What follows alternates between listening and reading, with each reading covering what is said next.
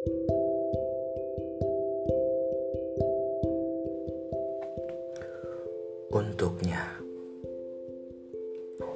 Diamlah teriakku dalam balut ragu.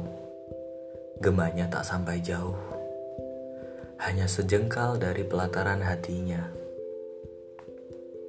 Senyaplah bising pikiranku di tengah kesendirian.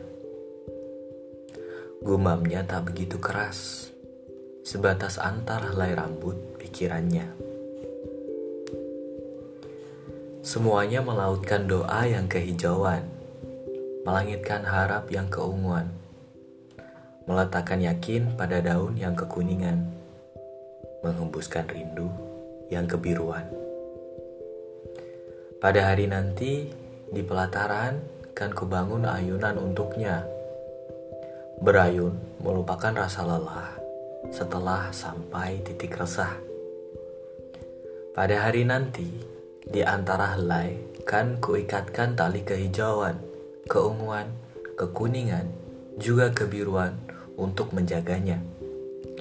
Menaruhkan gelisah sehabis marah yang merah. Untuknya, untukmu. Kediri 23 April 2017